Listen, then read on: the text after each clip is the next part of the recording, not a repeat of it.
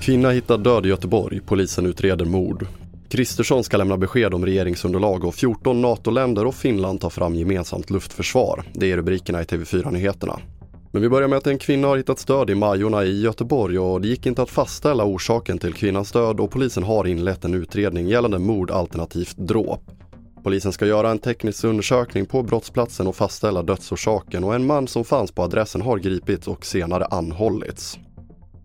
Och imorgon fredag går Ulf Kristersson till talmannen för att ge besked om sitt regeringsunderlag och trots moderatledarens besked om att förhandlingarna går bra och att det endast återstår några detaljer menar flera bedömare att det kan ta längre tid än så.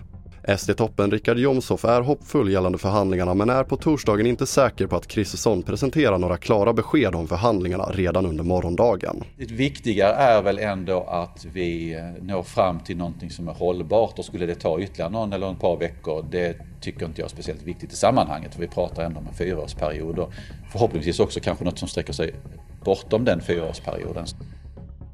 Vi fortsätter med att 14 NATO-länder och Finland kommer att ta fram ett gemensamt luftförsvar. Länderna har skrivit under ett så kallat avsiktsbrev för att ta fram det som går under namnet European Shield Initiative.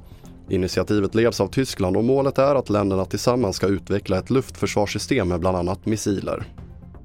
Och så avslutar vi i Malmö där den sönderslagna Zlatan-statyn ska renoveras och larmas. Malmö stad satsar 350 000 kronor och hoppas att arbetet är klart före årsskiftet. Därefter är alla parter i Malmö kommunfullmäktige överens om att Zlatan-statyn åter ska ställas ut i Malmö. Det finns ju faktiskt en möjlighet till detta och man skulle ju kunna tänka sig, nu är det ju inte sagt var någonstans den här statyn ska stå. Eh, när den här placeringen vid stadion, den, den är ju lite enslig kan man säga. Det är lätt, eh, inte lätt, men i skydd av mörkret så, så kan, kan det ske en vandalisering utan att så många personer ser det, för det är inte så många som bor precis i det området.